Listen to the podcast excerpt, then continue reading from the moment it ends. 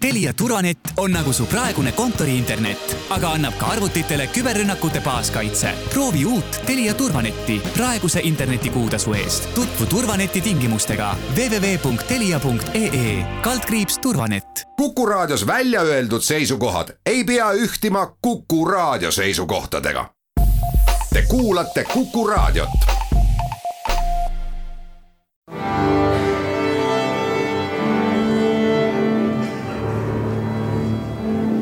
daamid ja härrad, Eesti Kontserdi saade.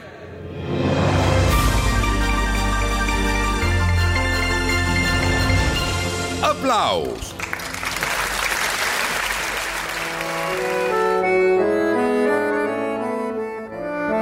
tere kõigile, aplaus alustab, mina olen Lauri Aav uudiseid kontsertide kohta järgmise kahe nädala jooksul detsembrikuu esimeses pooles, mis tavalistel aastatel on olnud üks muusikaliselt tihedamaid perioode.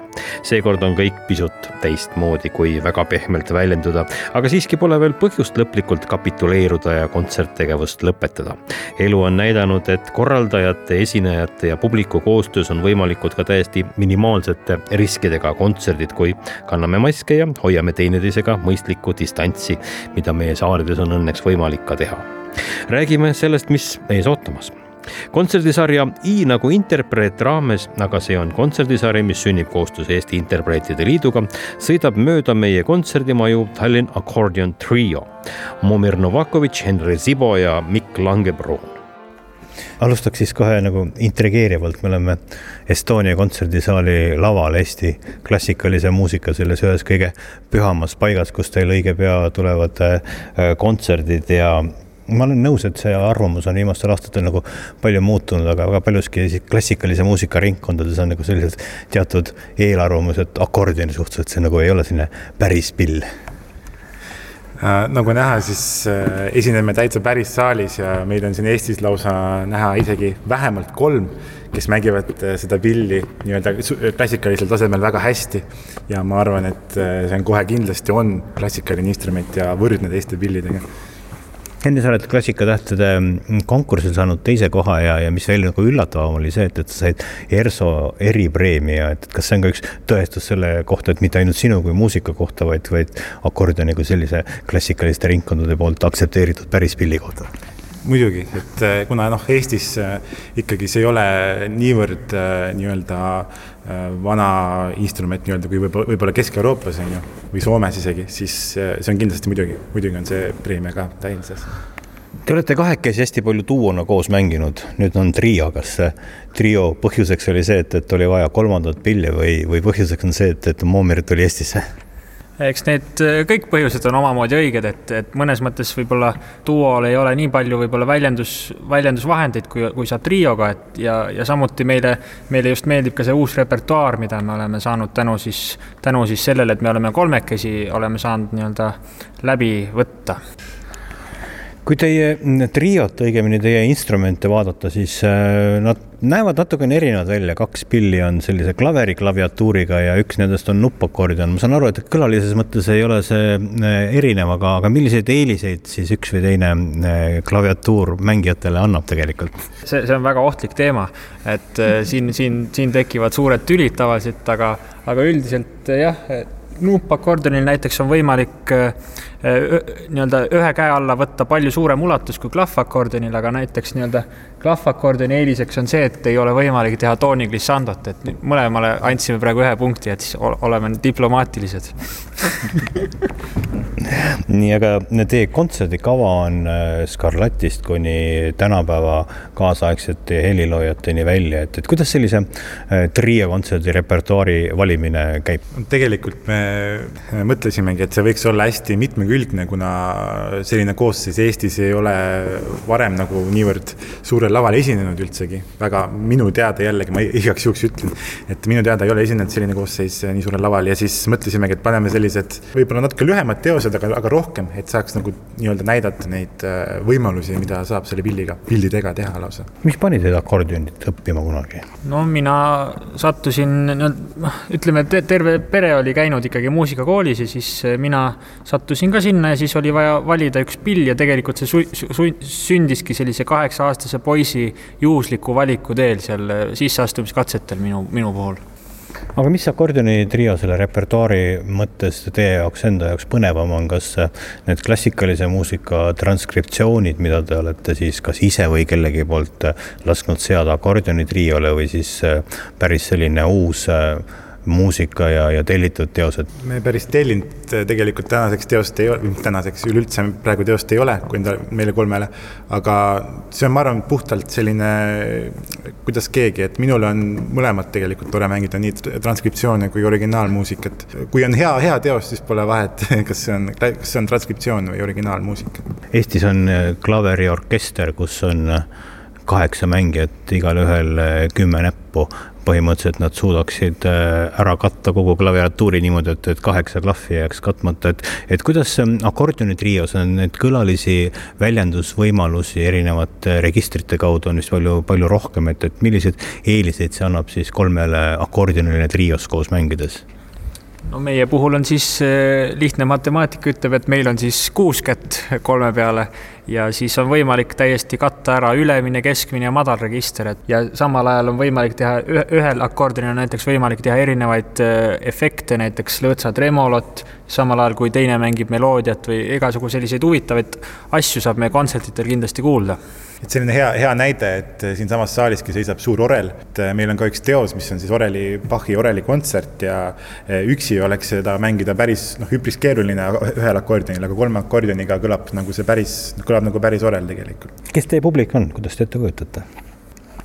väga sageli on kuidagi akordionil kujunenud, et, et eh, nii-öelda võib-olla eakam publik soovib akordionit tulla kuulama, aga millegipärast viimasel ajal on tekkinud just kontserdisaalidesse ka ikkagi sellist nooremat publikut, mille üle on väga hea meel kas eakas publik tuleb ähm, sellise teatava eelarvamuse või ettekujutusega, mida ta tuleb kuulama ja siis üllatab teie kontserditel? Ehm, on juhtunud muidugi ka seda, aga üldiselt tegelikult, kui me, kui nagu ütleme, mina või me kahekesi või nüüd me siis me kolmekesi läheme kontserti andma, siis tegelikult äh, noh, võib-olla on ka mõnel see eeldus, aga hoopis see üllatus, et tegelikult mida see pill suudab tegelikult teha, et see on palju suurem. Homme Jõhvi kontserdimajas, neljapäeval Pärnu kontserdimajas ning järgmisel teisipäeval, kaheksandal detsembril Estonia kontserdisaalis. Tallinn Accordion Trio ja kõik märgid näitavad, et sel laupäeval astub Estonia kontserdisaali lavale orkester Kremerata Baltica, sealhulgas orkestri asutaja Gidon Kremer isiklikult, mees, kes asutas selle orkestri endale otse kui viiekümne aasta juubeli kingitusena.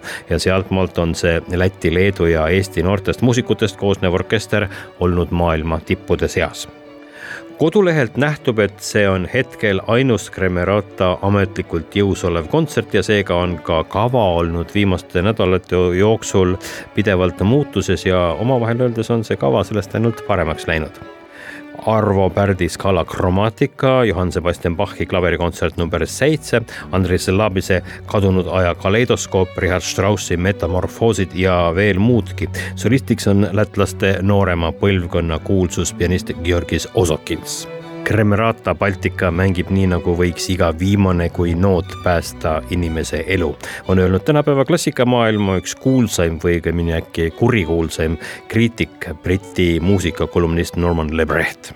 Kremerata Baltica ja Gidon Kremer Estonia kontserdisaalis sel laupäeval, kui kõik plaanipäraselt läheb Tallinnas küll mitte, aga järgmise nädala keskel annab Tartus, Pärnus ja Jõhvis soolokontserte bariton Alvar Tiisler, partneriks Kadri Toomaja klaveril.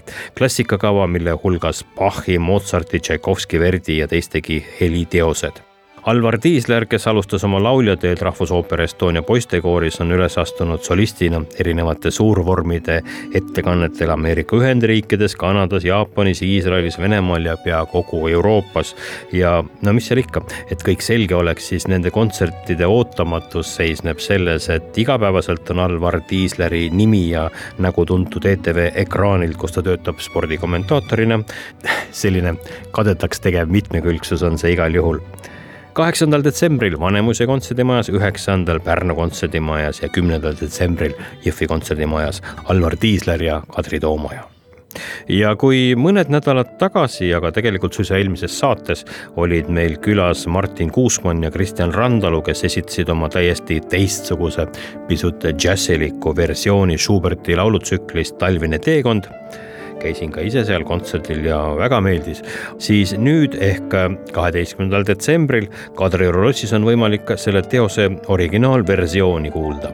Franz Schubert vokaaltsükkel Talvine teekond, romantismi aja laululoomingu üks pärle. seekord on esitajateks Viestos Jansons Läti Rahvusooperist ja klaveripartneriks Johan Randvere ja enne veel, kui jõuame järgmise saateni kahe nädala pärast, jõuab esmaspäeval, neljateistkümnendal detsembril kell neli Estonia kontserdisaalis lõunamuusikasarja raames ära kuulata kontserdi Maa ja taeva vahel. Mari Jürjens, Robert Jürjendal ja Liis Viira. Mari Jürjens laulab, Robert Jürjendal mängib kitarri ja live-elektroonikat ja Liis Viira harfi ja samuti live-elektroonikat ja see on kava, mille kontserdid olid juba aastakene tagasi. Meie teistes kontserdimajades olid äärmiselt edukad ja publikurohked, nii et oli plaan see siis nüüd lõpuks ka Tallinnasse tuua.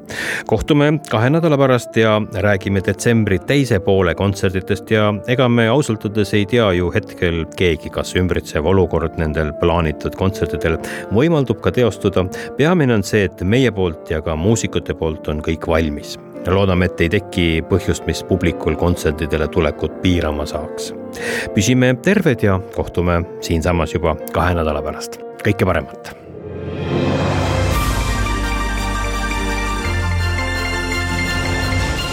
aplaus